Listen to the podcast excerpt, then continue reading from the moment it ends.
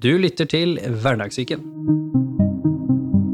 I denne episoden snakker vi om sosial angst og går virkelig ned i dybden på hva dette er for noe og hvordan det påvirker folk, men ikke minst hvordan dette er blant de modigste folkene vi har i samfunnet, og hvordan man kan komme seg videre. Og du får møte en virkelig veteran i gamet, Torkil. Vi her i Hverdagssyken er så heldige å ha med oss partner og sponsor TrippelTex, som står bak det nydelige regnskapsprogrammet som vi også har byttet til i år, og hvor man da kjenner på at man endelig har funnet en partner som både kan være med oss og spre viktig budskap, men som også kan hjelpe oss til å ha regnskapet i orden. Og det passer for alle, uansett om du er enkeltmannsforetak, eller om du har en liten bedrift eller en stor bedrift, eller om du er stiftelse eller organisasjon, sånn som det vi er. Og de har jo allerede over 100 000 kunder, så det er jo et nydelig tegn, og ikke minst så kjenner man jo på den gode støtten som vi allerede har fått med de. Så derfor så har vi de som stolt sponsor. Og ikke minst, hvis du er nysgjerrig og har lyst til å sjekke ut dette her, så kan du gå inn på trippeltex.no og få muligheten til å prøve helt gratis. Og hvis det da er noe for deg, da vet du at det også kan takke oss for den biten der. Og ellers så håper jeg du nyter episodene våre, regnskap eller ei, og at du fortsetter denne dagen fortsatt fin videre. Velkommen tilbake til eh, Hverdagssyken, og velkommen for første gang til deg. Ja, takk for det.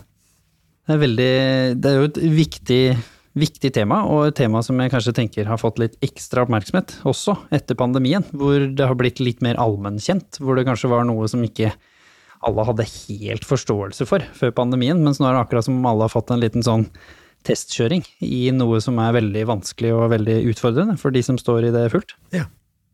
Men da er jo første spørsmål, da. Hvem, hvem er du for en kar? Ja, Torkel Berge heter jeg, og jeg er psykolog. Jobber på Diakonhjemmet sykehus. Og så har jeg jobbet, eh, samarbeidet med pasienter med det vi skal snakke om nå, sosial angstlidelse. Det har jeg holdt på med i, i neste år blir det 40 år. 40 år holdt på. Så så da har jeg møtt veldig mange mennesker som har hatt et problem, og det er en veldig forskjellig gruppe. Ulik bakgrunn, ulike måter å være på, men de har ofte mye til felles når det gjelder selve angsten. Ja, for det er jo lov å si at uh, du er uh, en av de virkelig erfarne ekspertene vi har i landet. Når vi liksom så hvor lenge du hadde jobba med det, så tenkte jeg sånn Da begynner du å få kontroll på hva dette temaet handler om. Ja, syns det har vært veldig spennende å, å, samarbeide med pasienter med disse problemene, fordi at det er god hjelp å få. Mm. Og eh, det er veldig viktig med den type programmer som dere lager, fordi at det er så mange som går rundt med disse problemene og tenker ikke over at de har en angstlidelse som det finnes god behandling for. Mm. Sånn at de, og Dette er utrolig trist, men de fleste som har sosial angstlidelse, kommer ikke i behandling. Så de går med disse problemene, og det kan jo vare veldig, veldig lenge.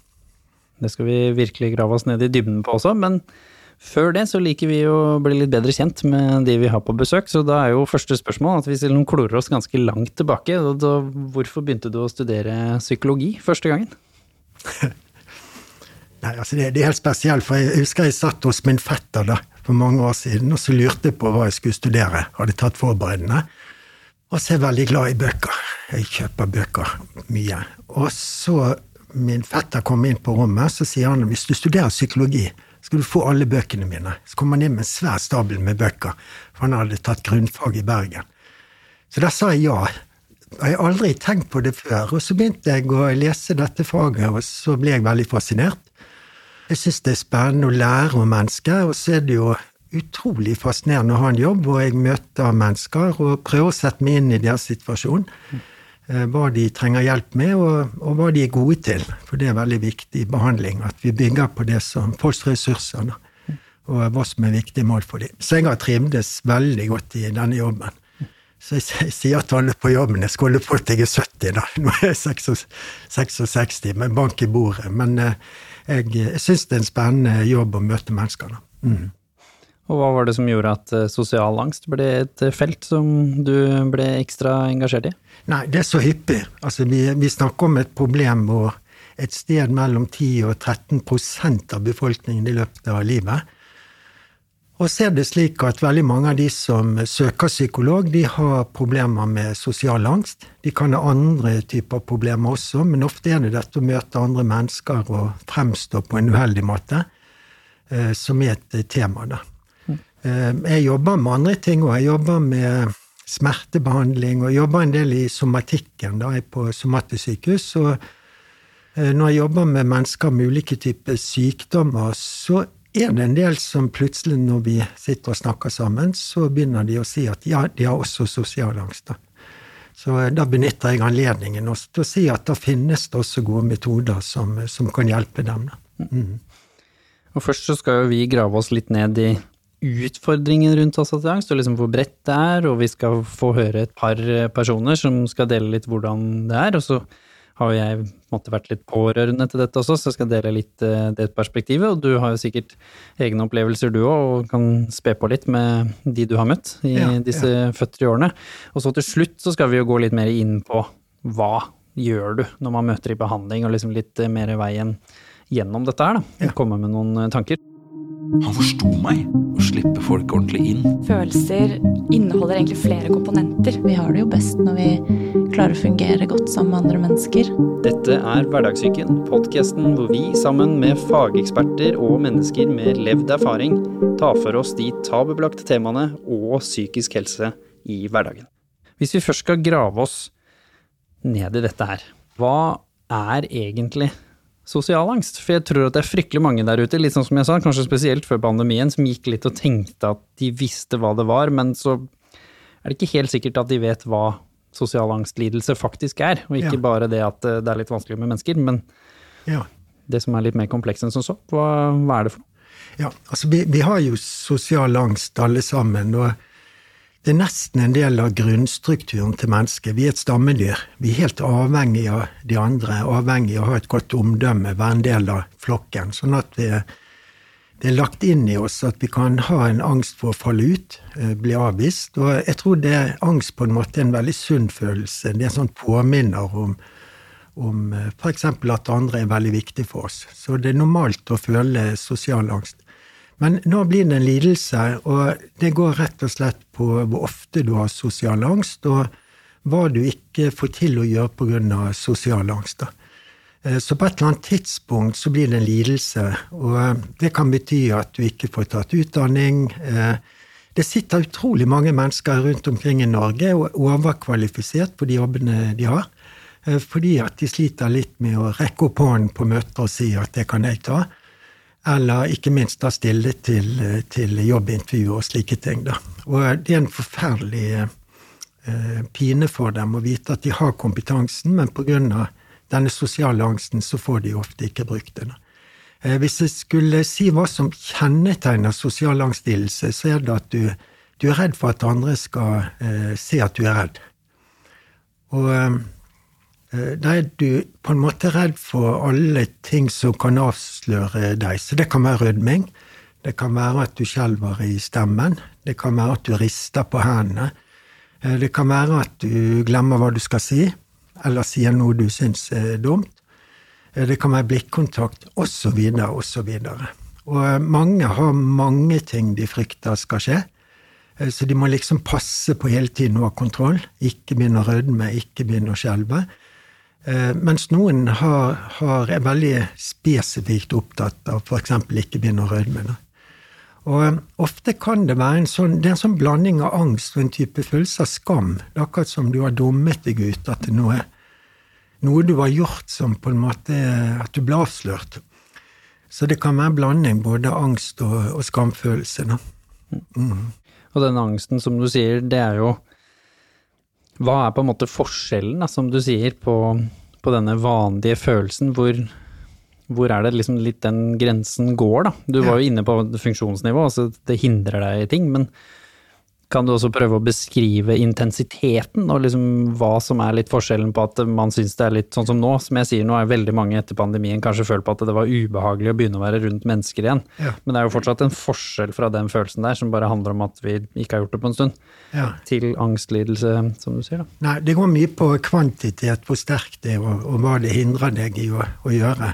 For eksempel meg, da.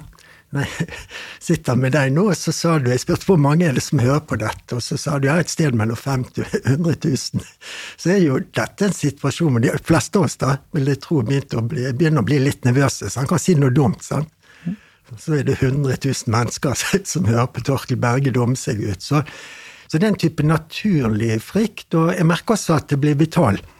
Så hvis den nervøsiteten jeg da føler, gjør at det blir litt med på, jeg kjenner jeg får energi, det er liksom fra nervøsitet til nerve. Så det tror jeg er lurt. Eh, men hvis jeg nå hadde som hovedprosjekt at nå måtte jeg være helt stødig i stemmen, jeg må ikke liksom avsløre meg, og at det viktigste for meg i denne situasjonen var liksom for enhver pris å ikke fremstå med angst, så hadde det blitt veldig hemmet av det. Eh, og da, da er det nok slik at, at, det blir en type lidelse.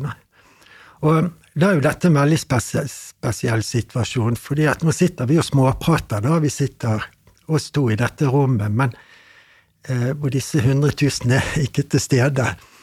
Eh, men det er klart det er en krevende situasjon for de fleste, og mange med sosial angstlidelse de unngår slike situasjoner. Snakke i forsamling og, og, sånt. Men de har også problemer med småprat. Møte naboer i butikken, eh, snakke i pause på borettslagsmøte og slike ting. Og det er en slags sånn omvendt logikk eh, som går på at jo mindre grunn du har til å være nervøs, Eh, jo mer avslørende kan du føle det som. Sånn at hvis jeg nå møtte deg i, i butikken utenfor og skulle kjøpe noe matvarer, og plutselig begynner jeg å rødme, eller skjelve i stemmen og slike ting, så, så, er det på en måte ute av kontekst, ute av sammenhengen. Eh, og da kan jeg få en, vil jeg kunne fått en veldig sterk følelse av at nå tenker du at et eller annet er i veien med meg. At jeg er nervøs, eller at et eller annet er skjuler, eller det er et eller annet som er galt.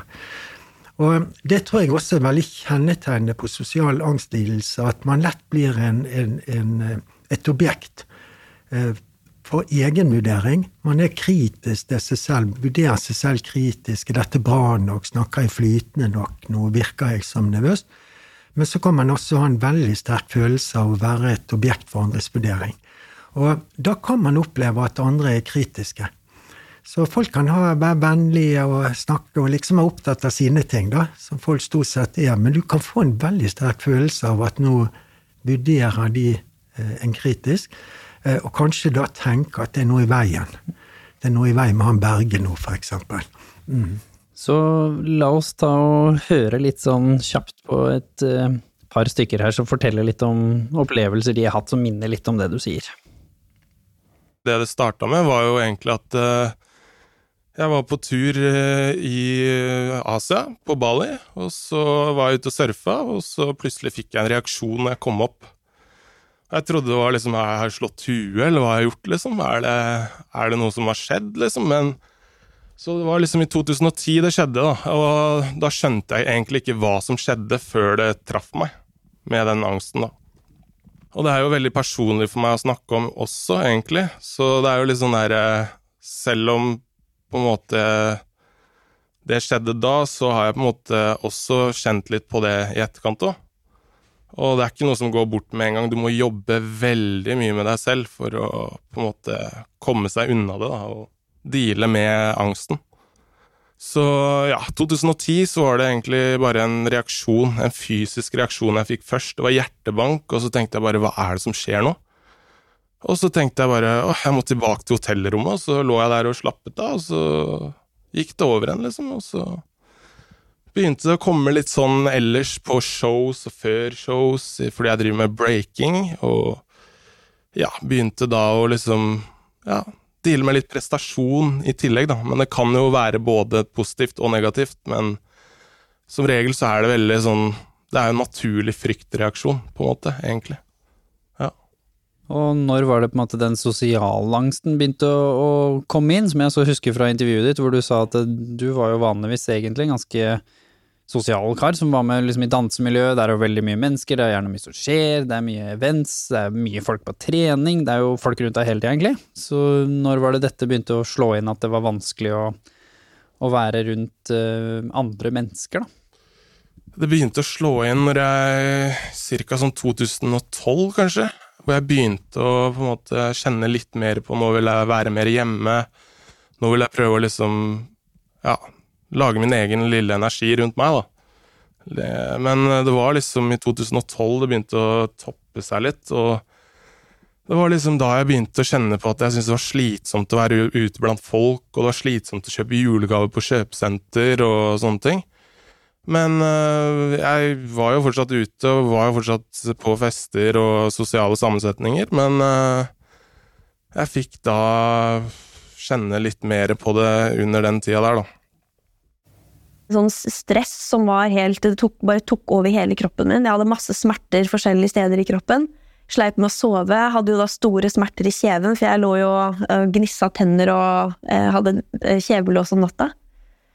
Og um, når de da panikkangsten kom på toppen av det igjen, da, så var det bare Så det er jo toppen av isfjellet, men det var jo på en måte Det var jo det verste. Og da føltes det som at jeg ikke fikk puste, og at jeg bare leita etter en vei ut. Men det var ikke mulig, rett og slett. da. Det var på en måte fanga i, i, kroppen min. Og jeg husker første gang jeg var sykemeldt, så eh, Det husker jeg veldig godt, for det var 7. juli 2011. Da jeg jo stadig, prøvde stadig vekk nye ting for å prøve å slappe av, da. Og prøve å finne den der eh, Den indre freden, liksom, som vi alle leiter etter, da. Og da hadde jeg dratt til en uh, hudpleier i nærheten av, av der vi jobba, uh, for å få litt ansiktsmaske og prøve å slappe av. Men uh, det blei jo ikke helt som forventa, fordi den dagen her så fikk jeg jo magekatarr, som man også kan få av stress. Så jeg kasta jo opp magesyre og ble jo da sykemeldt for første gang. Eller det var første gangen jeg ble sykemeldt i et halvt år. Og jeg havna jo på Ullevål til slutt og tok gastroskopi. En sånn slange ned i halsen. Eller ned i magen og fikk da konstatert eh, magesår pga. stress, og ble satt da på to ulike typer medisiner. Som på sett og vis holdt dette her i sjakk, da, men det tok jo ikke bort problemet. Så var det frustrerende, som sagt, å, å kjenne på det at jeg ikke klarte å mestre den hverdagen som det jeg så at alle andre rundt meg klarte. Mm. Det var veldig, veldig vondt. Det med eh, Når man, man har sosial angst, og så føler man seg som et objekt for vurdering.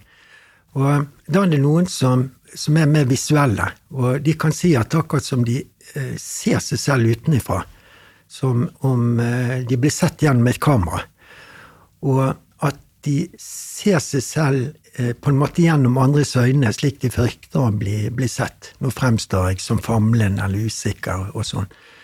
Mens andre beskriver, de ikke så visuelle, men de beskriver en sånn følelse, en opplevelse at nå fremstår jeg på en klosset, stiv, feil måte. Engelskmennene har det som et eget sånn forskningsfelt. De snakker om felt sense.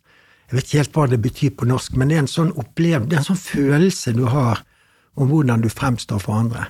Og når man har sosial angst, så får man ofte denne sterke følelsen av å fremstå på en måte som andre ser ned på, eller til og med kan forakte. Det er en utrolig ubehagelig følelse. Og det som er et problem med sosial angst, er at vi stoler på den følelsen. Altså den følelsen av hvordan vi fremstår for andre, den er veldig definerende for virkelighetsopplevelsen. Så det blir på en måte en sannhet? For jeg har hørt flere som beskriver det, sånn som du sier nå, at når de, når de står og beskriver f.eks. hvordan noen opplevde dem, da. Så jeg har noen veldig nære som står i dette hvor vi snakker en del om det, så kan han si det. Og som du sier, der følte jeg at den personen så at jeg var nervøs, men også at de syntes at jeg var dum, og hvorfor sa jeg det? Og så ja. er det Når jeg lytter på det, så hører jeg også at det har ikke vært noe respons, egentlig, som du sier fra den andre personen. Det er ingen som har sagt 'nå var du dum', eller 'herregud, så teit', eller Men de tolker fordi som vi vet, så er jo språket vårt er jo bare 20% det vi sier. Ja. Så de siste 80, med kroppsspråk og mimikk og sånn, blir veldig tydelig tolka, men i en negativ retning, eller for å mate denne frykten, da, som ja. du sier. Ja, det er veldig sterkt. Og vanligvis er det sånn at uh, vi gjør på en måte det alle sammen. Vi har en følelse kroppslig av hvordan vi fremstår for andre, og vi kan ha et sånt bilde av hvordan vi fremstår.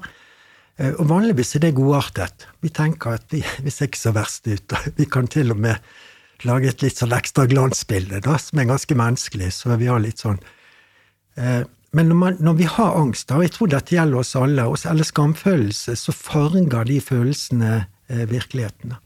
Så jeg har lyst til å si en annen ting. Det, når jeg møter et menneske som, som har sosial angstlidelse, da, eh, så spør jeg allerede i første samtale om etter at du har vært i en sosial situasjon, eh, prøver du å se tilbake og gå gjennom det som skjedde? Liksom analysere situasjonen etterpå. Og da sier veldig mange ja. Og eh, hvordan det var under den middagen, eller når jeg traff den kollegaen i butikken, eller under et eller annet treff, så prøver jeg å se tilbake og liksom tenke igjennom ja, hvordan fremsto jeg, og sa jeg noe dumt, og hvordan reagerte de, de andre. Og da sier jeg til dem at eh, jeg kommer til å komme med forslag om at du trener på ikke å gjøre det. Ikke drive med sånn etteranalyser, for det vi vet, er at du skaper falske bilder. Og det er så tragisk, sant, eh, fordi at man Hva gjør det med oss? Altså Hvis vi skaper, som du sier, da, litt sånn som jeg kom med det eksempelet, og som vi hørte i klippet nå. Ja. Hva skjer, hva blir neste ledd etter at vi skaper disse falske bildene og, og bygger opp under den frykten vår, som vi sier, da, og mater den med disse bildene? Hva er det som skjer inni hodet Ja, nettopp. De blir lagret som om det skjedde. Så det kan være, og da må man faktisk gjøre studier. For det, jeg syns det er så fint på dette feltet at man har gjort skikkelig forskning. Så da må man f.eks. intervjuet mennesker med sosial angst, og hvordan de opplevde en krevende situasjon. De lager sosiale situasjoner. Og så intervjuer han de, de andre som var i den situasjonen. Og der er det en helt annen type vurdering. Sånn at et menneske med sosial angst vil ofte tenke at de andre vurderte det negativt, det man sa eller gjorde, eller at det var mer synlig, denne angsten. Eh, Men uansett, når du selv på en eller annen måte går tilbake og prøver å rekonstruere, rekonstruere hva som skjedde, så vil du ofte lage en versjon som, eh, som er lite flatterende. Kanskje at du, du får et bilde, at du fremstår som, som famlende, som usikker og slike ting. Og de bildene Det er akkurat som eh, Det blir på en måte nest, Det er sterkt om en forgiftede minner. Sånne bilder av, eh, av eh, hvordan du fremstår, som, og som så blir lagret, og som så kanskje blir styrende for neste gang. Dette er veldig vanskelig, det jeg ber de om å gjøre, fordi at mange har jo hatt disse problemene i mange år før de kommer i behandling. Kan vi inn på løsning og sånn etterpå Ja. også, men før vi liksom kommer inn i hvordan vi håndterer det, et ord som veldig ofte mange sier i den konteksten her, da, og det deler jo for så vidt generelt uh, angstlidelse også. Så før vi går inn i å snakke litt mer om overtenking og liksom konsekvensene av neste ledd, da. Hva er forskjellen på sosial angst og generisk eller generell angst? Ja, det, det er noe som på fagspråket kalles generalisert angstlidelse. Og det er ikke sånn at man er redd for alt, liksom. Det, den er betegnet som en sånn bekymringslidelse. Og eh, igjen er det en ganske stor del av befolkningen som, eh, som er holdt på å si, kronisk bekymrere. Eh, Ofte om de samme tingene som vi alle er bekymret for. Helsen, hvordan det går med barna, hvordan det går med ulike jobbting, studier osv. Så, videre. så det er ofte vanlige ting, men eh, det går på mengden. Sånn at det er folk som, eh, som ofte tenker og tenker på gale ting som kan komme til å skje, og så prøver de å se for seg løsningene, og så har de et kjempeproblem fordi at de tenker på problemer som de egentlig ikke kan gjøre noe med, for det har ikke oppstått ennå. Og det kan føre til eh, søvnproblemer, som gjør alt verre. Mister du søvnen, så eh, svekkes du på alle områder. Og det er en del av de med mer sånn bekymringslidelse. eh, De har også sosial angst. Så eh, egentlig så er det ganske vanlig å ha en blanding av ulike angstlidelser. Sånn at det Men hva betyr på en måte det sosiale aspektet? Er det i den definisjonen, da? Er det det da at det er sosiale kontekster som er det man har eh, mye bekymring og mye tankegang rundt? Ja, generalisert angst det kan være stort sett rundt, rundt det meste. Det kan være økonomien og alt mulig. Dette med, med familie og slike ting. Så der tror jeg det mer går på at du har en måte å forholde deg til verden på, at du hele tiden tenker på ting som kan oppstå. Eh, vi, har, vi har jo alle opplevd det eh, når vi har blitt liggende våkne om natten, da. Og så ligger vi og tenker på hvordan det kan bli dagen etter hvis vi ikke får sove. Og så vet vi at det er jo ikke det lureste, for det hjelper ikke på søvnen. sant? Gjorde jeg senest i går, og Ja. det funka ikke. Sovna ikke noe fortere. Ja, så hvis en venn av deg har hatt søvnproblemer, så hadde vi ikke sagt hadde prøvd bekymring'? Vi ville ikke gjort det. Men vi vet alle at det er veldig vanskelig å slutte å bekymre seg hvis vi først blir liggende. Så da er ofte løsningen å stå opp og gå ut på stuen og gjøre et eller annet, eller et rom i, rom i nærheten. De som har bekymringsangst, vil ofte ha det slik som vi kan ha det når vi ligger med disse bekymringstankene om natten. Og mange utvikler depresjon etter en stund. Og eh, igjen sier disse hjerneforskerne sier at hvis du har en tendens til å se foran deg ting som kan komme til å gå gale, at det skjer noe med barna, f.eks., så blir de lagret i hukommelsen omtrent nesten som om det skjedde. En virkelig tragedie, f.eks., blir jo lagret med helt annet trykk. Men likevel, hvis du ofte går og tenker på gale ting som kan skje, eh, så blir det på en måte lagret som et slags trusselbilde. Så ofte kan jeg, når jeg snakker med mennesker som har veldig mye bekymringer, og så spør jeg om eh, har det skjedd? Hvordan har, det, har du fått sykdom? Har det skjedd alvorlige ting? Og så er det mange som sier at nei, egentlig ikke, men det føles som det kan skje hvert øyeblikk. Så det er bekymringsangsten, mens eh, denne sosiale angsten som vi snakker om, den er mye mer direkte knyttet til det å fremstå på en uheldig måte i møte med andre. Da. Så det er angsten for andres blikk. Eh, på en måte. Mm.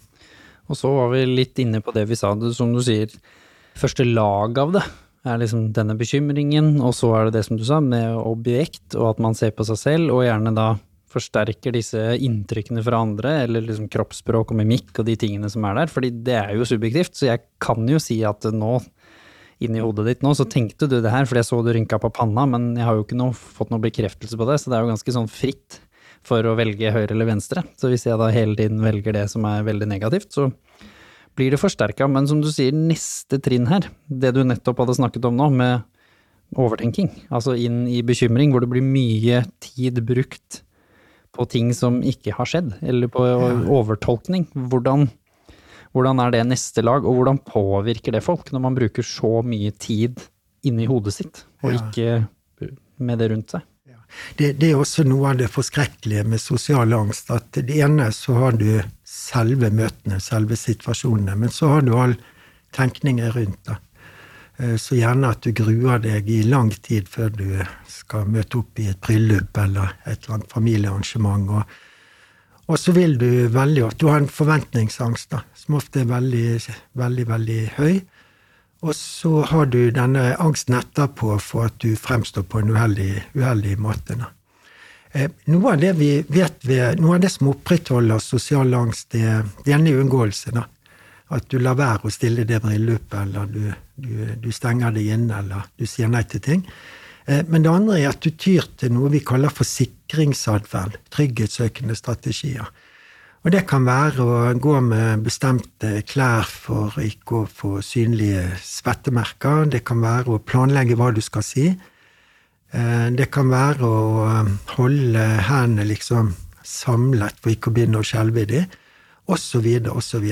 For det er jo noen som til og med, som vi har snakket om her, sånne eksempler som man har hørt, da, som vi også har hørt her nå, det er jo at man bruker lang tid på å planlegge en samtale som du sier, ikke nødvendigvis hvis man skal holde tale eller snakke på skolen eller noe sånt, det gjør vi jo alle, men her snakker vi om eksempel i morgen så skal jeg på jobb, og jeg vet at noen kommer til å stille meg spørsmål i kantina når vi skal spise lunsj, og så sitter man og jobber med å planlegge den samtalen. Det du ja. sier liksom er småpraten, til og med. Ja.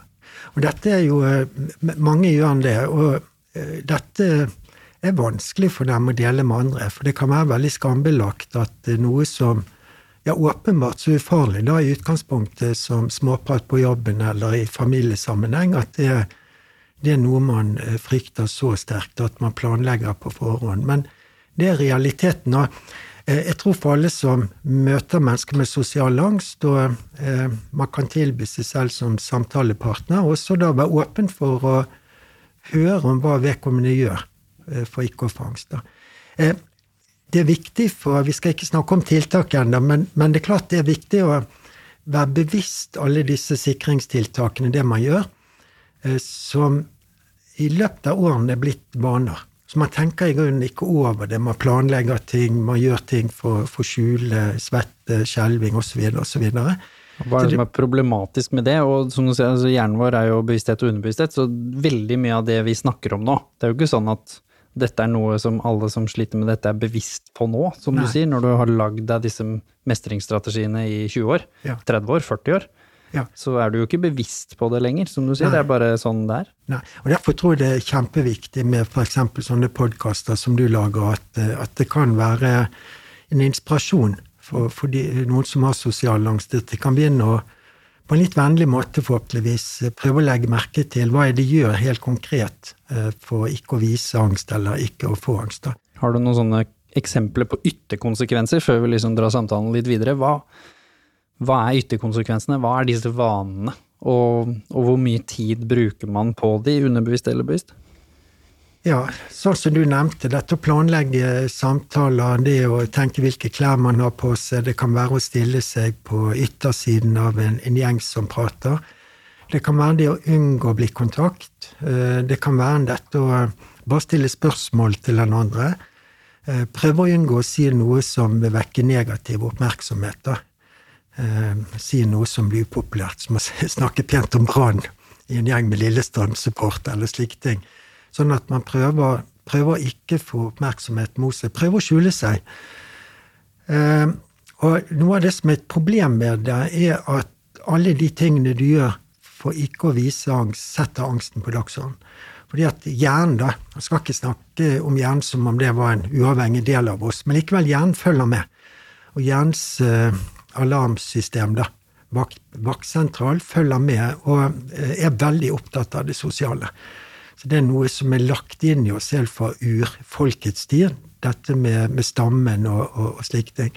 Så hvis vi begynner da å gjøre ting for å unngå andres kritiske blikk, unngå avvisning, eh, så blir det hovedoverskriften i VG den dagen. Eh, du kan dumme deg ut, du kan bli avvist.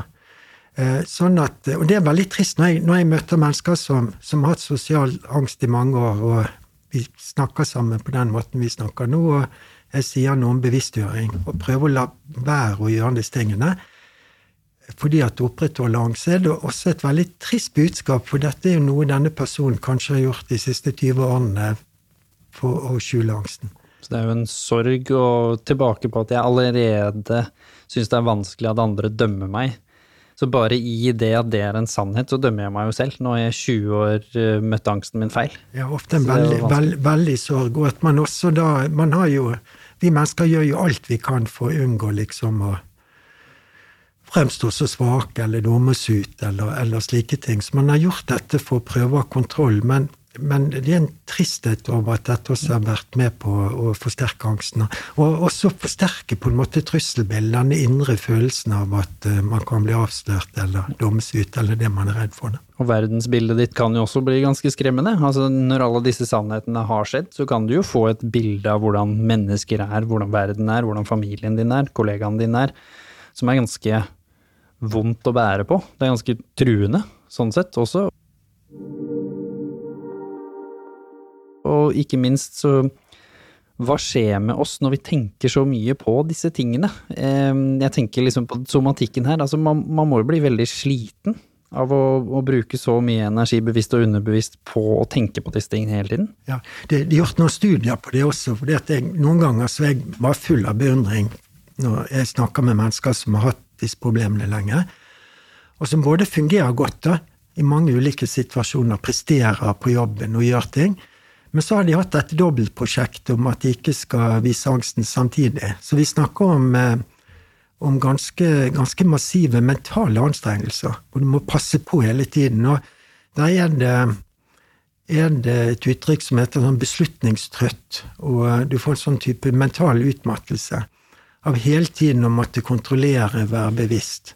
Eh, Så man blir veldig sliten av det. Og eh, det, det bare slo meg at flere av de tingene vi snakker om nå, dette med det å være på vakt, det å føle seg utrygg på andre, det å føle at man kommer til kort, det, det er nok slik at det også bidrar til depresjon.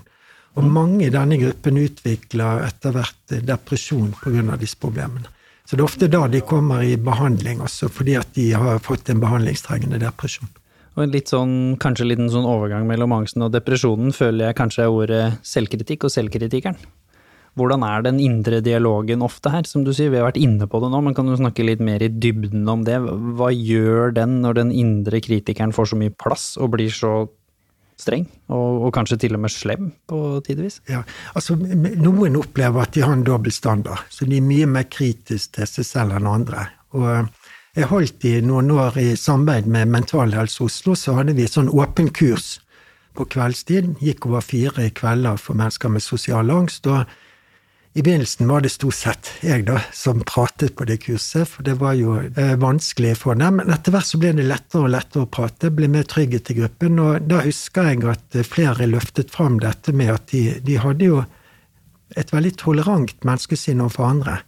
Liksom sånn var ikke opptatt av at folk ikke skulle være nervøse og slike ting, men det føltes liksom så, så galt for, for, dem, da.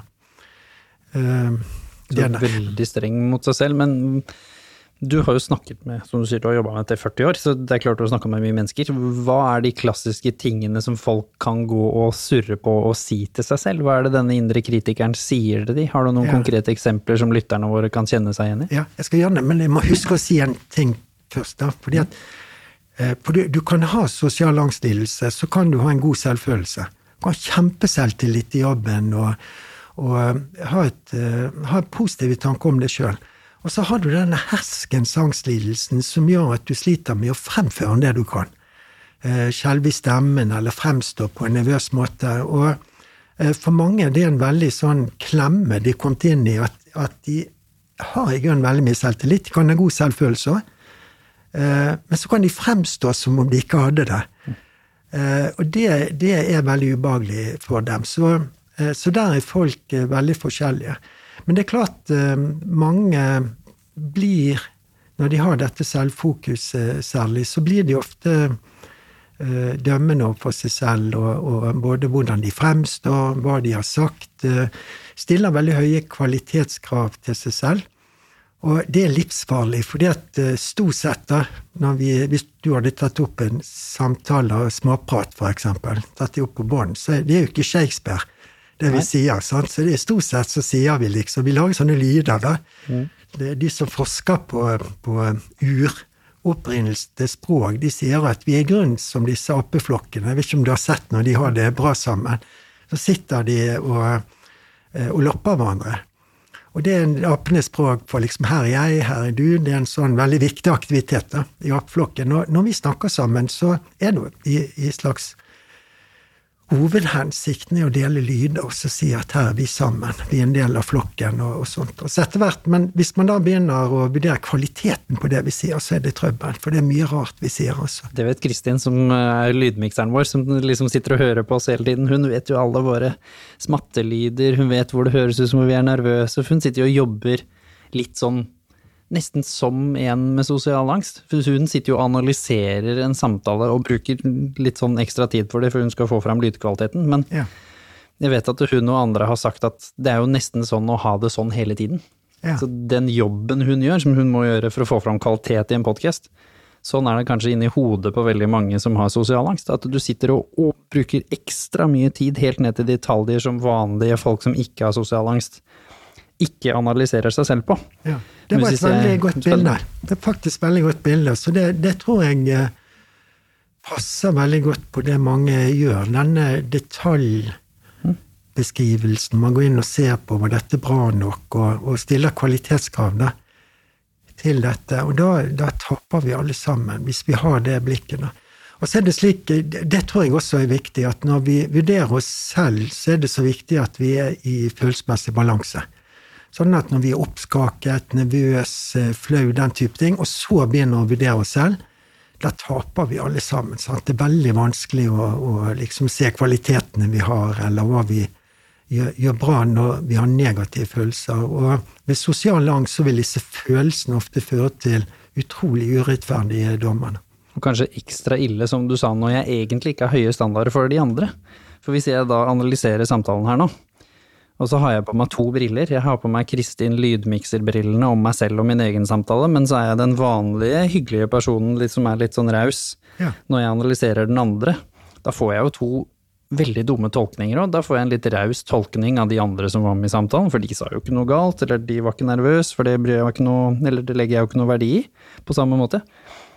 Men jeg var det. Da får jeg jo en dobbel effekt. Det er bare at jeg overanalyserer og er overkritisk med meg selv, men jeg er raus med de andre i samtalen. Ja. Så sammenligningsgrunnlaget som kanskje hadde gjort at jeg hadde tenkt jo, men de andre var jo litt nervøse, de òg. Det er jo første gang vi møtes. Det er gruppekurs med, med deg om sosial angst. Ja, men det går fint. Så plutselig så har jeg nå gjort det sånn at jeg sitter igjen med at det var jeg som var problemet, og alle de andre som jeg var rause med, de klarte seg greit. Så jeg får ikke den korrigeringen heller, kanskje, da, som vanlige mennesker kan hente seg inn litt med. Ja, helt, helt enig. Og jeg, jeg sitter og tenker på Det var en kvinne da som hun hadde sosial angst i, i mange år, og kom seg etter hvert ut av angsten. Tok en eh, noen og tyve år. Jobbet mye på egen hånd.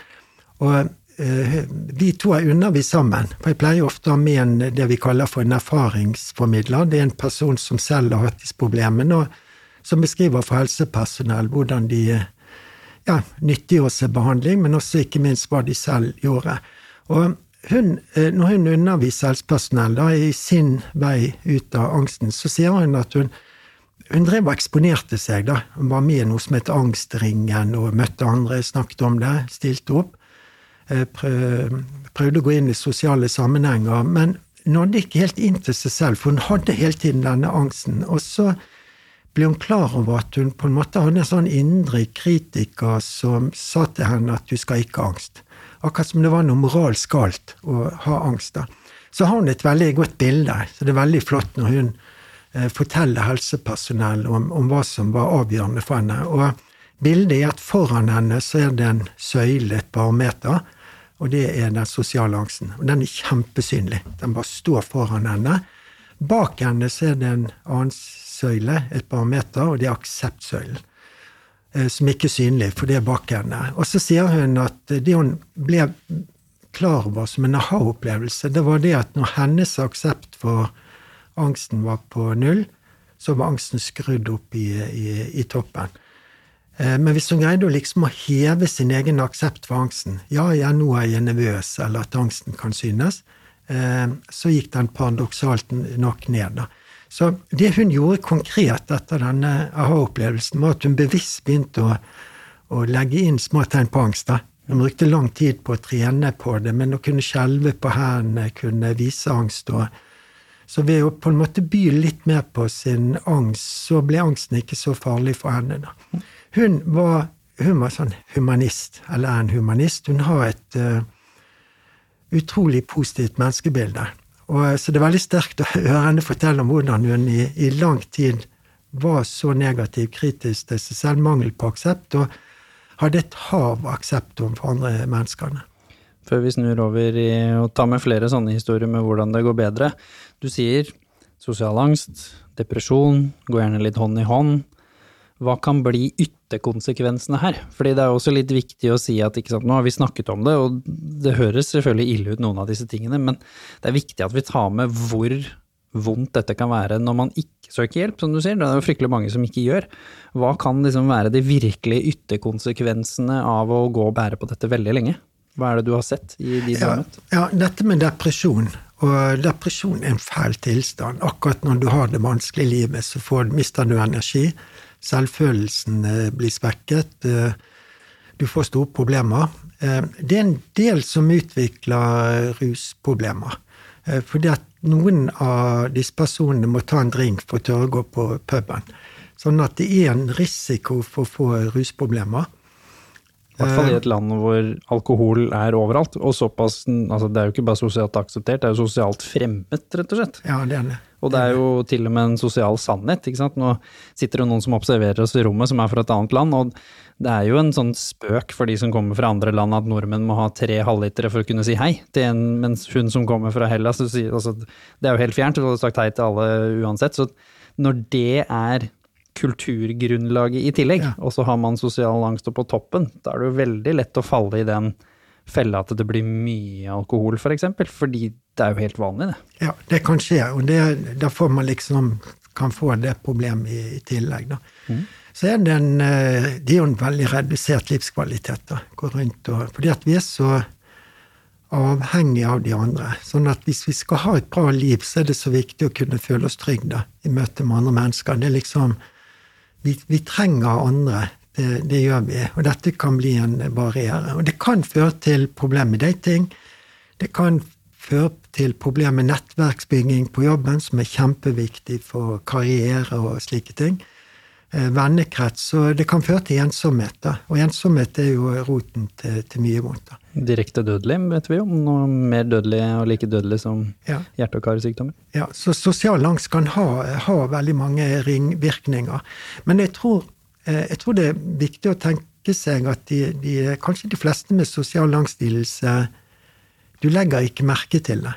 Så de, de har venner, de har eh, eh, jobb, de går til familie, slike ting. Og ofte er det en veldig eh, stor hemmelighet. De forteller andre ikke at de har det problemet, Gå til ytterlig. Tungt å bære på, rett og slett. ikke sant? Som du sier, og også veldig mange sier jo også, de jeg har snakket med, da, som har åpna seg veldig tett for meg, som jeg vet er veldig glad i meg, og hvor vi har et uh, godt forhold. Så selv om de vet at de kan snakke med disse tingene om meg og sånn, så allikevel så sier de jo at det koster så mye, selv om de syns samtalen er fin, og selv om det er givende, og selv om de vil. Så det å for eksempel være med på en kino, eller være med på en middag, eller ta en dypere samtale eller en gåtur, koster så mye mer Ja. enn det det gjør for meg, da, for eksempel, som ikke har sosial angst. Så det er jo ikke bare det at eh, det faktisk er et element med at man er redd for alle mennesker og unngår alle mennesker, for det er ikke nødvendigvis sannheten heller, som du sier, men det å faktisk gjøre selv det som er positivt, og der hvor du er trygg, og det du trives med, det koster deg mye. Så når du kommer hjem, så beskriver man jo gjerne kanskje at de sov ekstra timer, eller var ikke sosial på fire dager, kanskje. Altså at det får følgekonsekvenser, at man har vært sosial når dette herjer som verst, da, inni hodet. Ja, så Derfor er det viktig for oss alle å vite om dette, da, og at det finnes eh, sosial angst, og at vi har en åpenhet for å kunne fange det opp og snakke om det. Eh, Det var én ting jeg glemte å nevne når vi snakket i starten om hva sosial angstlidelse. for Noen mennesker har det vi kaller en generell sosial angst. og Vi har jo snakket mye om det, at det kan være i møte med, med mennesker generelt. Og så er det ganske mange som har det vi kaller en spesifikk sosial angst. og Det kan være for å snakke i forsamlinger. Eh, Det kan være andre sammenhenger, sånn at man greier småprat og disse tingene, men dette med å, å f.eks. reise seg opp og snakke ut for et manuskript eller holde et innlegg og, og slike ting, det er det de har mest problemer med. da. Eh, Men igjen kjempehemmende, fordi at f.eks. i jobbsammenheng eller studiesammenheng så er det så viktig at du kan eh, si det du mener da, på møter og slike og ting. mer hemmende kanskje, tenker jeg nå enn for 30 år siden. ikke sant? For nå lever vi jo veldig i en ekstrovert verden, etter sosiale mediers inntog i tillegg, hvor alle føles ut som alle øver og snakker til kameraer og alt mulig som om det koster dem ingenting. Selv om det er ikke sannheten, men det er jo sånn det føles når vi er på sosiale medier. Så klarer jo ikke vi å se at det er ikke alle vennene våre som snakker til kamera, eller alle vennene våre som er komfortable med å være på podkast, f.eks. Men det føles sånn, tilbake til den opplevelsen som du sa, som da bare forsterker det inntrykket at dette får jo ikke jeg til, men jeg, som du sa tilbake på, men jeg vet jo det temaet bedre enn kollegaen min som snakka nå. Ja. Under det møtet. Jeg har jo en bedre løsning på det. Hvorfor sa jeg ikke noe? Og så går du tilbake til at du slår deg selv i hodet igjen fordi at du ikke tar plass i en verden hvor det virker som om kampen om plassen aldri har vært mer på en måte tydelig, da, fordi alle skal være så utadvendt og ekstroverte. Det er jo, og ikke minst det har fått positive assosiasjoner, kanskje enda mer enn det hadde før. Det er nå, som du sier, det er nesten en forventet ferdighet, uansett hva du driver med, selv om du jobber med en oppgave hvor du egentlig ikke skulle tenkt at jeg trenger jo ikke ekstroverte ferdigheter her i den jobben her, men allikevel, nesten i annonsen så står det jo at du må være utadvendt, hyggelig og sosial, står det nederst.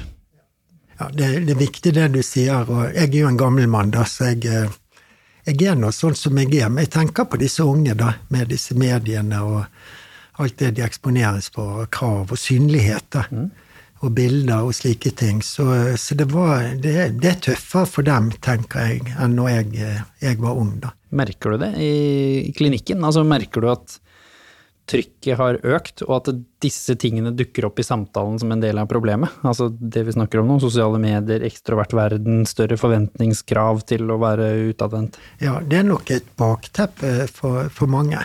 Nå, nå, tror jeg det med sosial angst har vært ganske stabil gjennom, gjennom årene, men det er mange som sier eh, Du begynte å nevne det med covid. Og det er en del forskere som sier at det gjorde noe, ikke minst mange mennesker.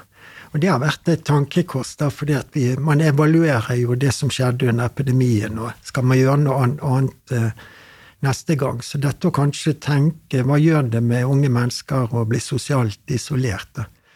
Eh, sånn at eh, ved neste epidemi da, så håper jeg at man tar med seg de erfaringene og tenker kan man prøve å skjerme de unge, da, fordi at de er så avhengige av å være sammen med andre. Og hvis man blir isolert for mye som ungdom, så kommer den angsten ofte, ofte inn for en del. Og at det er helt naturlig, fordi vi har mer tid til å tenke. Mens når vi er ute og rundt og på jobb og sånn, så er det jo ikke like mye plass inni hodet vårt. Det er jo det siste elementet før vi går over i litt mer løsninger og hva som er mulig å gjøre her. fordi som jeg sier, det er jo viktig å ta med litt alvorlighetsgraden i dette her òg. Isolasjon og hindring i livskvalitet. Som du sier, for mange kan det jo føre til sterk isolasjon, så selv om de virker som om at utad kanskje det ser ut som det går greit, i form av at man har jobb, man gjør det, og så er det noen som sliter såpass mye som du sier at jobben blir eh, umulig da, i den verden man har nå. Men hvorfor er isolasjon et ekstra element som kanskje er mer vanlig i de som sliter med dette her, enn de som sliter med mer generell angst? Jeg var helt apatisk, egentlig. Noen ganger husker jeg at jeg lå på gulvet og vaska meg liksom i dusjen. Det er jo en innvendig ensomhet, kan man si. Det å våge å be om hjelp. Jeg var jo den supersterke Sofian som hadde fikset alt, og det var borte.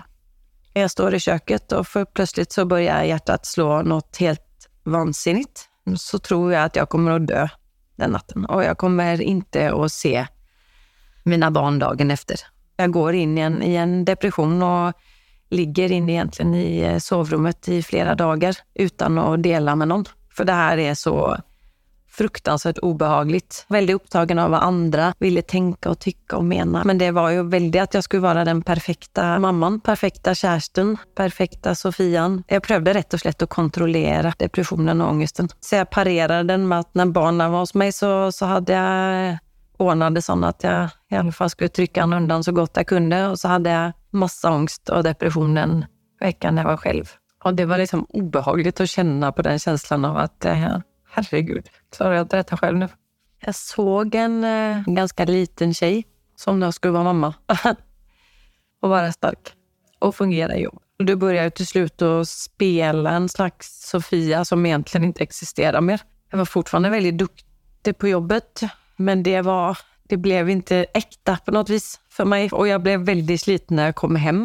Og jeg var utmattet, egentlig helt körd. Jag började ta dåliga val för mig själv. Så skaffade jag mig fort en ny partner som absolut inte var den rätta partnern. Jag körde ofta väldigt fort bil. Jag mistet till och med lappen. Allt för att liksom plåstra på saker som var obehagligt. Kunne være et show vi hadde, og så etter showet så var det mye hilsing, og det var mye 'wow, du gjorde bra' og sånne ting. Og så føler jeg da på en slags sånn 'oi, her må jeg liksom på en måte Her skjer det noe, da. En reaksjon i kroppen, og her eh, vil jeg gjerne ikke være akkurat nå. Så jeg prøver å liksom finne første utvei, da. Og det er liksom å gå egentlig ut. Men jeg fortsetter å bli, og fortsetter å prøve å gjøre det til det beste jeg kan, da. Du sier liksom en fysisk reaksjon i kroppen. Hva, hva var det du kjente på, hvis du virkelig skal ta oss med tilbake til, mm. til hvordan angsten opererer i en sosial kontekst? Altså, det var litt sånn derre Først og fremst litt sånn uggenhet, vil jeg si. Det var for eksempel hjertebank som da kom opp, og for eksempel litt sånn rastløshet, vil jeg si. Litt sånn, altså litt sånn uroligheter i kroppen. Litt sånn der 'Å, nå har jeg lyst til å gjøre det her'. Kanskje det, kanskje det er hyperaktivitet. Hvem veit? Altså, det kan være alt fra hjertebank til liksom at du får uh, slitent syn. Altså sånn du blir sliten i øya, rett og slett. Det kan være alt mulig. Det kan være Ja. Det kan være alt fra det at du føler at uh, ting går for fort, at tida går for fort, at du blir skjerpa, at du begynner å sanse mer, observere mer uh, omgivelsene rundt deg. Det kan være for eksempel uh, det å Altså sanseinntrykk som um, Ok, det var en litt høy lyd, ikke sant? Så var det trikkskinnet som bare Sånne ting, da. Det kan være et eksempel, og da blir du liksom åh, skjerpa, ikke sant? Så mitt, uh, min opplevelse av uh, den sosiale angsten, og angsten generelt, må vel være det at jeg føler meg skjerpa og litt mer alert. Og litt mer eh, hjertebank og litt mer adrenalin som pumpes. Og jeg er jo mann nå, så jeg prøver å liksom skjule litt det, da. Men nå har jeg lært meg å blitt mer ærlig med meg selv. Jeg forsto vel til slutt at jeg var tvungen å liksom å kjenne ångesten og hva den egentlig forsøkte å, å berätta. Jag bestemte meg vel egentlig for at eh, neste gang så, så er angsten og jeg på lag. Da er det meg. Første ordentlige vendingen var at jeg finner meg en, en mann man, en sambo, der jeg kan få lov til å berette hele min historie. Jeg har fått lov til å være Sofia. Sofia med gode dager og Sofia med mindre gode dager. Og på den reisen, eh, jeg jag bland annat fick en coach, blev starten på det nya livet med å, å omfavne hela meg selv, ge seg selv egen kjærlighet. Du kan faktisk få tykke om deg selv, og du kan faktisk få tykke at du ser bra ut i dag, og, og si det høyt til deg selv. Har egentlig anvendt mye tid på å ge meg selv lov til å ha egen tid gi mig lov til å tenke og drømme in i andre baner enn det jeg har tenkt at samfundet vill att vi ska göra. Övningen kommer ju utifrån de människorna jag valde att vara öppen med det här för, för då visar det sig att det är faktiskt andra som också inte har det så bra i livet. Men jag kan vakna på morgonen och liksom, hej ångest, nu är du här, ja, ska vi gå ut och gå en liten promenad? Det har varit den största breakthroughen, eller om man ska säga, att jag har omfamnat den och då också ser den utan att nära den på det sättet som den önskar att nära. Men vet att du inte är ensam om att känna på ångest eller depression. Det går over. Når du lærer kjenne den ångesten så vil den faktisk være en av dine beste kompass til å ta riktige valg i ditt liv. Er det mer vanlig for de som sliter med sosial angst enn generisk angst? Helt klart, helt klart. Og, og det blir jo en veldig ond sirkel, da. Sånn Hvorfor at blir det en ond sirkel? Ja, for du får ikke denne korreksjonen. Altså, du, du mister de eh, Det er klart noe av tiltakene vil jo alltid hvile på at man skal gå dit hvor angsten bor, da, som dikteren Sandemose sa en gang. Og, og det, det er noe med at det er viktig det å møte andre mennesker og møte angsten, eh, og på en måte kanskje glemme denne angsten, fortape seg i samtalen eller det man er opptatt av. og Eh, hvis man blir sittende hjemme, sier nei til invitasjoner, isolerer seg, så blir man sittende hjemme i verdens dårligste selskap med seg selv og, og selvkritikken. Så, sånn. så jeg tror de fleste av oss ikke har Vi trenger hverandre. Sånn at hvis vi har for mye isolasjon, da, for lite kontakt med andre, og blir korrigert gjennom andre, møte med andre, så, så blir, vi, blir vi ofte overlatt til tunge følelser og tunge tanker. Da. Da blir det mer tid og plass til det. Tenker du, Etter pandemien så har det også blitt en utvikling som handler om at hjemmekontor og disse mulighetene har blitt fryktelig mye mer vanlig. Tenker du det kan ha en negativ påvirkning her, hvor det er lettere å gjemme seg og, og ikke på en måte få den støtten som man kan, fordi at det er så lett å ta hjem en kontor og likevel levere på et veldig godt eh, nivå, at ikke det fanges opp? Ja, det er en interessant tanke. Så for noen kan det det, men for andre så kan det også være det som holder det i arbeidslivet, og, og de kan bidra. Så jeg har jo hatt samarbeid med pasienter som eh, jobber veldig bra hjemmefra og leverer og sitter med, med PC, og også kanskje da kan ta kundetelefoner, eh, den type, type ting. men eh, og dermed ha en fot innenfor arbeidslivet. Da. Så det er veldig individuelt, eh, dette. Da. Mm. Så man kan nesten si at det, så lenge det på en måte bidrar til at du får jobbet i det hele tatt, som er de som kanskje sliter mest med livskvalitetskonsekvenser, så kan det være veldig positivt, men de som kanskje kunne, og som er på et sted hvor det, den eksponeringen hadde vært veldig positiv, for det er jo en del av det vi skal snakke om nå, løsningen, så kan det hende at det er problematisk fordi det blir lettere å falle inn i det, istedenfor at man kanskje gikk tre dager på kontoret i uka og så to hjemme. Ja, nettopp. Så det åpner opp for at man kan bygge opp denne kontakten med, med litt sånn variasjon. Ja. Hjemmekontor, møter, møte andre. Sånn at i en sånn folk som har vært sykmeldt en stund, da, eh, så vil man nettopp snakke om tilrettelegging, og hvordan kan man bygge opp en, en tilbakevending som føles sånn relativt trygg. Mm. Hvis du skulle delt den historien som har satt seg mest eh, hos deg, kanskje et par eksempler, da. Nå nevnte du jo en her i stad, men har du et par eksem andre eksempler som satte seg litt, som, som viste litt at vi som samfunn også kanskje er en del av problemet? At vi ikke er så gode til å se de rundt oss, og ikke er så gode til å, å være der for folk. At rett og slett samfunnet som vi lever i nå, vi har snakket masse om det i episodene våre, at flokken har forvitra litt. At der hvor vi kanskje for 20-30 år siden mye enklere så folk og var der for de rundt oss, så er konsekvensene nå at veldig mange får lov å lide med dette helt alene uten at vi nesten får det med oss, fordi vi lever litt mer oppi vårt eget hode og selvrealiseringens navn. Ja, det, det, er nok mulig at, at, det har vært slik, slik lenge, og, og, jeg tror noe av det som har skjedd i ikke minst i Norge. Altså Norge jeg syns at Norge kan være litt stolt av den åpenheten som det tross alt har vært rundt eh, det vi kaller vanlige psykiske lidelser. Og det at unge mennesker tør snakke om dette, og sånt, det tror jeg er veldig positivt. da. Sånn at uh, taushet og lukkethet er liksom noe som får uh, psykiske plager til å vokse. Så åpenhet er en veldig fin ting, da. Uh, og så er det jo Altså, det er en, det er en, en det er noen mennesker jeg møter som gjør veldig inntrykk på meg. Eh, eh, det er mennesker med sosial angst, hvor det på en måte er erfaringsbasert i den grad at de har opplevd å bli veldig dårlig behandlet andre mennesker. Og jeg spør nesten alle jeg møter i min jobb da, som psykolog, når jeg spør litt om bakgrunnen for problemer og, og sånt, så spør jeg eh, direkte om de har vært utsatt for mobbing. Og det er veldig mange som, som svarer ja, da. Dessverre. Og på en måte, med mindre familier med veldig dysfungerende, da, så er vi ganske beskyttet hjemme. Da er vi ganske beskyttet hjemme. Men det er veldig tøft å gå ut. Alt fra barnehage til, til skole. og Da er vi veldig sårbare. Og jeg tror skadevirkningene ved å ja, være utsatt for mobbing, trakassering, er veldig store.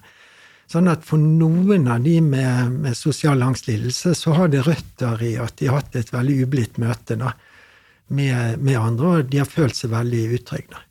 Så jeg tror jeg, eh, jeg leser av og til om sånne tiltak på skoler og mobbing og sånn. og eh, Det er en del som jobber med det, og jeg har tenkt at det er noe man bør satse enda mer på, fordi at eh, langtidseffektene er så enormt store da, eh, knyttet til det.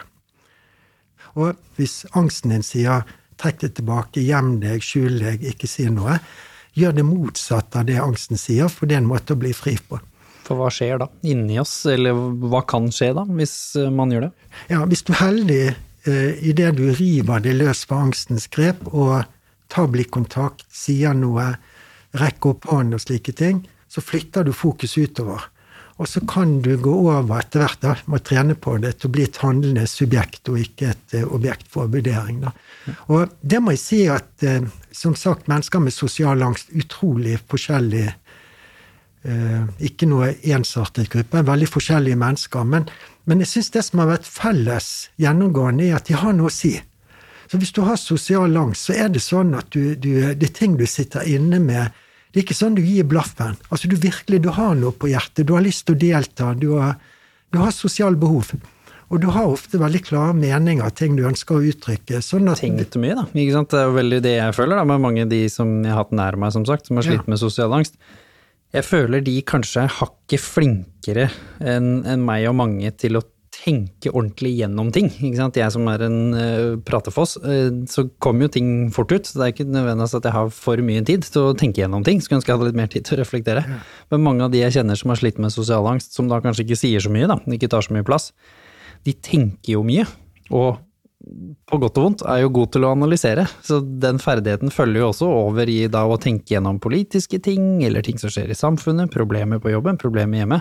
Så som du sier, når vi først sitter og snakker sammen, så har jeg jo blitt helt forundra, hvor jeg noen ganger sånn tenker, men i forhold til meg, da, så de personene som jeg kjenner som er veldig tett på, har ikke vært eksponert for like mye som meg, jeg som er overalt og ingen plass, men allikevel har ekstremt gode, reflekterte, fine tanker som jeg har lært mye av. Hvor jeg tenker sånn som du sier, du skulle hatt mye mer plass. Altså mennesker som du føler Hadde du snakka mer og noen andre roa seg ned litt, meg selv inkludert, så kanskje verden hadde vært et bedre sted? Veldig interessant tanke. Altså, fordi vi, vi, vi, snakker jo om noe som berører en stor del av befolkningen. Og dette stemmer som ønsker å bli hørt, og som vi trenger å høre på. Mm. Så det er viktig. Så det er veldig mye Den som er taus, har mye å si. Sånn at det er veldig mye viktige ting som, eh, som blir stengt inne av den sosiale angsten. Mm. Eksponering, det er én ting.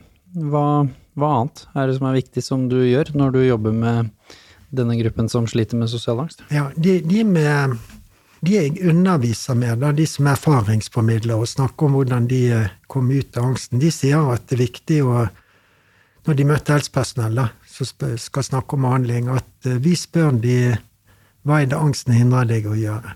Hva er viktige mål? Så en annen kar jeg underviser med, han uh, sier at du må få fram hva som er passion. Hva er det vedkommende er opptatt av? Og, uh, og hun andre nevnte, som, uh, som hadde dette barometeret med aksept, hun, være, hun falt ut av skolen, videregående skole. Og hun var et menneske som tørstet etter kunnskap. Tenk å fullføre videregående. Komme på Blindern. Hun som hun har gjort nå fått utdannelse.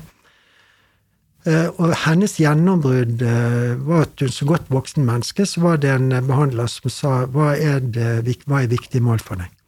Så det ene er et utgangspunkt i, eh, i viktige sosiale mål.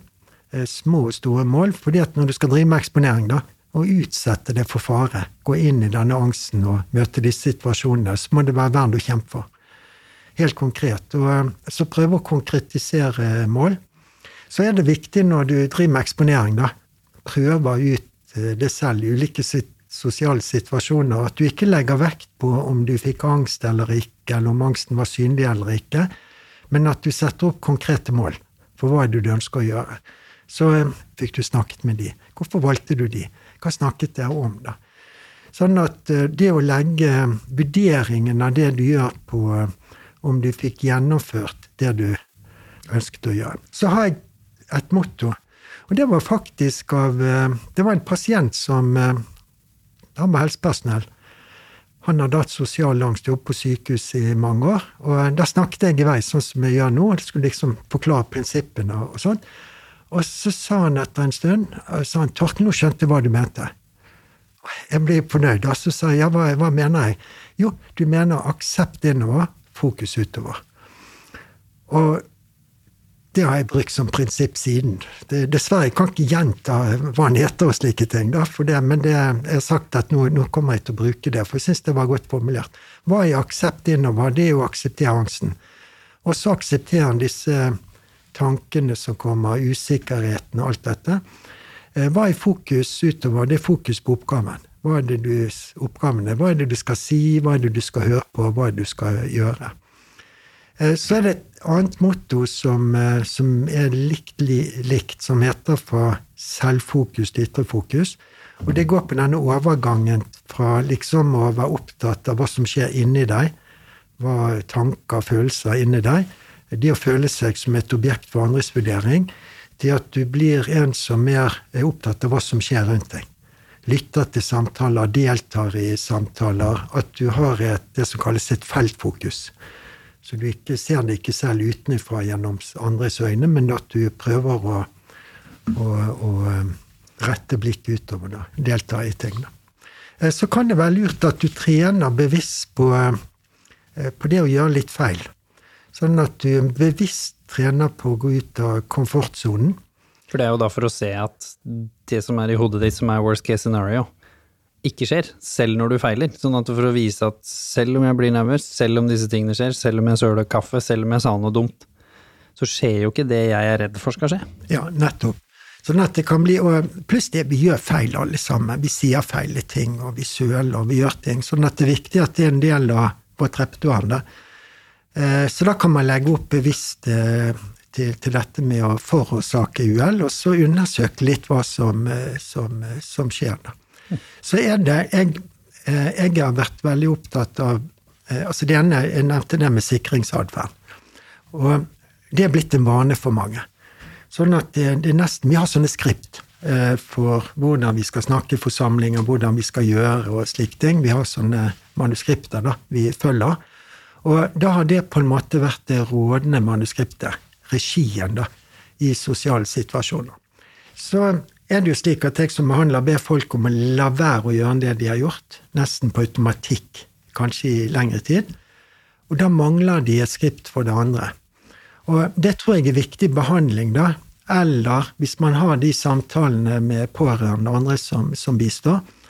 Og, og, og, så snakke konkret. om hvordan skal jeg gjøre dette? Hvis jeg tar ordet på personalmøte, eller hvis jeg gjør det og det. At man liksom begynner å tenke konkret hva skal jeg gjøre i de sosiale situasjonene. Eh, og der har min erfaring vært at det kan være viktig at det som behandler, på en måte coacher da, på dette med hva skal du gjøre når angsten kommer. Fordi at når man sitter for i samtale med psykolog, så kan det eh, bli litt sånn teoretisk. Man sitter på et trygt kontor. Eh, men den angsten Eh, den vil jo komme f.eks. på et personalmøte eller hvor. Så dette er helt konkret å tenke hvordan man kan møte angst når den kommer, og prøve å holde blikket utover. Aksept innover, fokus utover. Og det å ha en plan, som du sier, plan, sånn at ikke det overrumpler deg igjen. Ja. Ha en plan, og så øh, Og så prøve å ikke prøve å ikke få angst, men heller flytte blikket på hva er det jeg ønsker å gjøre i de sosiale situasjonene, og hva er målene. Og da, som du sier, da er jo litt målet at hvis du finner en motivasjon for å gjøre ting på en annen måte, sånn at det blir mer oppmerksomhet utover, så er det jo naturlig mindre tid til å gjøre de tingene som fjuler angsten, og da synker jo symptomene fra angsten. Og litt tilbake sånn som du sier, at det betyr jo ikke nødvendigvis at sosiale angsten din er borte for alltid, men plutselig så blir livskvaliteten din og problemene sosiale angsten steller i stand, fryktelig mye mindre. Så til slutt kanskje du blir sånn som du sier, for vi alle har sosial angst, starta du med å si. Så til slutt kanskje du kommer forbi sosial angstlidelse. Men du sitter jo fortsatt igjen som oss alle andre med litt sunn og god sosial angst. Ja, ganske, ganske mye av og til, da. Mm. For det, altså, vi er jo det er jo plagsomt for oss alle, den sosiale angsten, men det må ikke være livsdefinerende. Eh, jeg, tenker det er to hovedbudskap i angstbehandling. og Det ene er at angst ikke er farlig, og angst ikke er skammelig. Fordi at vi, vi er redde alle sammen, og vi er laget for å være det. Så det er det ene. Så sosial angst, den er med oss. Eh, det andre går på å trene på å utføre det man ønsker å gjøre i sosiale situasjoner, uavhengig av, av angsten. Så på fint heter det sånn målrettet atferd. Målrettede handling, handlinger, selv om du har angst. da. Sånn at du legger, legger blikket der.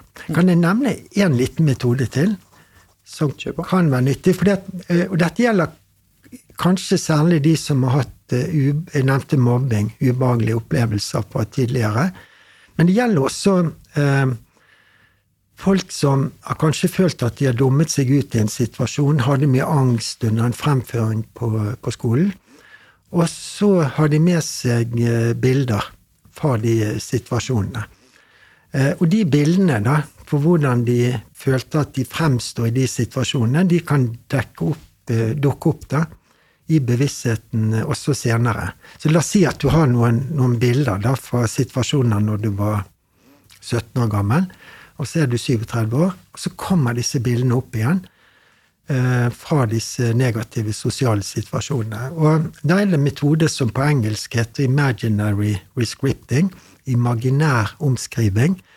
Og hvis man greier å identifisere disse bildene som dukker opp, særlig disse gjengangerbildene, at det er de samme bildene som dukker opp, eh, så kan man rett og slett prøve å erstatte, omskrive de bildene. Sånn at la oss si at du får et bilde at du fremstår eh, som er veldig preget av at når du blir ertet på skolen, så kan du med vilje tenke på snille, hyggelige kollegaer som du møter i dag, venner du møter til en lunsj, så du kan bearbeide disse, disse bildene. Men jeg tror bare det å være bevisst på at, eh, at vi alle da har med oss sånne bilder fra fortiden, sånne ekko fra fortiden som kan dukke opp, og farge opplevelsene her og nå. Da er det ofte lettere å se de som bilder og ikke sannheten. Jeg også mm, liksom spiller videre på det, for å runde her også følt at det har vært veldig fint å snakke med mennesker rundt deg som du tror har det så mye bedre enn en deg. Fordi som du sier, du tror jo at du er den eneste som sliter med sosial angst. Det er jo fascinerende hvordan vi tror det, selv om, som du sier, det er så høye prosenter her, hvor det snakker om over 10% av befolkningen. Men også at du da kan snakke med de om dette temaet, og så kan du begynne å få innsikt i at oi, du også overtenker ganske mye, oi, du også har de tingene, det er verre hos meg, det er jeg som kanskje har denne sosial angstlidelsen.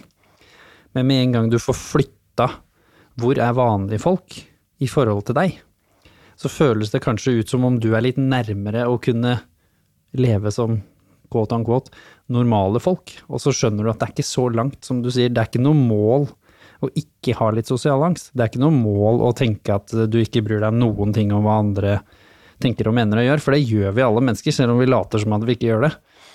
Så jeg har sett at det har kommet veldig mye fint ut av å ha samtaler rundt disse temaene også, som gjør at man da føler seg sånn oi, ja ok, så hvis jeg begynner å jobbe med disse tingene, og, og det ønsker jeg, så føler jeg faktisk at jeg trenger ikke å komme helt bort til veggen. Det er faktisk normalt å være et eller annet sted litt mer midt ute på gulvet, da. Ja, og det, det mange opplever da, er at når de begynner å dele litt mer av sin erfaring og snakke med andre, så er det en invitasjon for de andre også til å fortelle om ting de sliter med, sånn at eh, hvis man tør å være åpen her, eh, så kan det føre til åpenhet hos andre. Og jeg tror generelt da at eh, hvis vi greier å by på vår sårbarhet da, i møte med andre mennesker, så bygger det broer mellom mennesker. Jeg tror vennskap og kjærlighet og gode kollegaer er bygget på at vi ikke fremstår som sånne ting som har alt på stell hele tiden, men at vi kan dele noe om hva vi syns er vanskelig. Og når vi gjør det, da, når vi tør snakke med noen om f.eks. om dette med sosial angst, så sier vi til den vi snakker om, at jeg stoler på deg. Jeg har tillit til deg, og kanskje at du er spesiell for meg. og den folk føler den tilliten. Så jeg må si, hvis jeg tenker tilbake på mine 40 år, da, og snakket med mennesker som har vært gjennom den prosessen med å åpne seg, kunne fortelle andre om, om disse problemene, så har de blitt gjennomgående møtt på en god måte, fordi at folk blir gjennomgående tilliten vennlig. Så jeg syns jeg har hørt veldig mange fine historier. Da. Så det er vanskelig, men verdt å, prøve på. Sist, men ikke minst, hva skal alle vi andre rundt gjøre for å kunne gjøre det litt enklere og litt bedre for de som går rundt i samfunnet vårt med sosial angst? Ja, jeg, jeg tror det å være bevisst på det, fordi at uh, altså hver tredje familie er berørt angst, depresjon, sånn at dette er i oss og rundt oss. og sånn å ja, legge til side mobilen et øyeblikk, og så se på hverandre og snakke med hverandre, og så ha en åpenhet for dette. og Eh, noe av det vi kan komme til å gjøre, det er å begynne å gi råd. Og da er vi egentlig avvisende. Det kan føles som en bagatellisering. Sånn at vi er flinke til å, til å stille litt spørsmål og åpne opp. Og eh, det er veldig ok. Sånn at eh, jeg tror et, et samfunn har egentlig definert hvordan vi som enkeltmennesker møter hverandre. Sånn at hvis vi ønsker et varmt samfunn da, hvor vi bryr oss om andre, så tror jeg det er viktig at vi også har mulighet for å snakke om disse tingene. Og jeg nevnte tidligere at jeg, og dette mener jeg virkelig, at jeg tror Norge kan være stolt over den relative åpenheten det er når det gjelder psykiske plager. Og da syns jeg det er journalister, folk som driver med podkast, med aviser og sånn, har gjort en kjempejobb og løftet fram vanlige folk der, som vi kan identifisere oss med, men som har disse problemene. Sånn at vi eh, Det er ikke tabu på den måten som man ofte snakker om. Jeg, jeg tror vi har eh, greid å oppnå en relativt åpenhet om dette, som er utrolig viktig for at vi skal få det samfunnet vi ønsker å ha. det. Og så som jeg pleier å si, så det skal være litt motvekten også, ja, vi har blitt mye mer åpne, men jeg syns at vi har langt å gå med å faktisk fortelle hvordan vi har det, og ikke mm. bare bruke ord som hører terapirommet til, med å si sosial angst, for det forteller meg egentlig ingenting. Mm. Det er du som skal gi sånne diagnoser eller bruke sånne ord. Men la oss heller, som du sier, nysgjerrig snakket om hvordan har du det, og hva er det som skjer i ditt liv? Hvilke hindringer er der, hvilke tanker er der, hvilke utfordringer er der? For da blir det mye rikere og spennende samtale, da. Sånn som du sier, at man ikke enten selvdiagnostiserer, eller at man tar for lett på det, som du sier, og avviser. Så jeg tror vi må snakke mer, vi må snakke dypere og ha litt, som du sier, legge bort mobilene og se hverandre litt mer. Da tror jeg man kan komme langt, for det er mye å lære av hverandre i disse samtalene. Da. For vi Ja. alle har noe, som du sier. Ja, vi har det. Det er ikke lett å være menneske. Så det, er viktig at vi deler litt om hvordan vi har det på, på denne reisen. Da. Men det var helt riktig det du sa. og det er klart Veien er kanskje ikke å snakke så mye om diagnosene, sosial angstlidelse, men bare snakke med hverandre og være litt tett på selve opplevelsen folk har. Da. Og ha de utrolig viktige samtalene. Mm. Ja. Takk for denne utrolig viktige samtalen. Det var veldig hyggelig å ha deg på besøk. Ja, i like måte. Takk. Tusen takk til alle dere som hører på også, og så håper vi at dere engasjerer dere litt online her, og deler hvis dere har hatt gode opplevelser, og i hvert fall hvis dere har prøvd ut noen av de tingene som vi har snakket om nå, eller kanskje tatt, uh, søkt god hjelp, som du sier. Det finnes uh, god behandling og god hjelp i, på dette feltet her. Så veldig gjerne ta kontakt med oss og si fra. Hvis du har gjort det, så vet dere som alltid, så kommer det artikler og ting som vi skal få fra han her, som vi deler med dere, hvor dere kan lese litt mer om både denne forskningen og de tingene som finnes der ute, som er ekstra god informasjon. Så ha en så fin og sånn sett dypt sosial dag som overhodet mulig, folkens, der vi ser hverandre. Vi ønsker å sende en ekstra takk til vår sponsor TrippelTex, som står bak regnskapsprogrammet, som de fleste av oss som jobber med regnskap, som jeg har gjort nå i mange år, så regner jeg med at du også kjenner litt på at når du sitter med det, så trenger du en god partner. Og det Gode partnere i dag er jo et moderne program, og ikke minst kundeservice hvis man da står i nye utfordringer. Og her føler vi at TrippelTex, som vi nå har bytta til og bruker, virkelig stiller opp. Og ikke minst, bare på den gode siden også, så er de jo med da og ønsker å spre god kunnskap om psykisk helse. Så hvilken bedre samarbeidspartner å ta med oss på reisen enn det? Er du nysgjerrig, så kan du gå til trippeltex.no, og der har du muligheten til å prøve helt gratis, sånn som over 100 000 andre kunder allerede har gjort, oss inkludert. Så sjekk det ut, da, hvis du er nysgjerrig. Og ellers, tusen takk for at du lytter på denne episoden, og er med og sprer og deler den kunnskapen. Og hvis du tester ut TrippelTex og liker det, så fortell oss om det.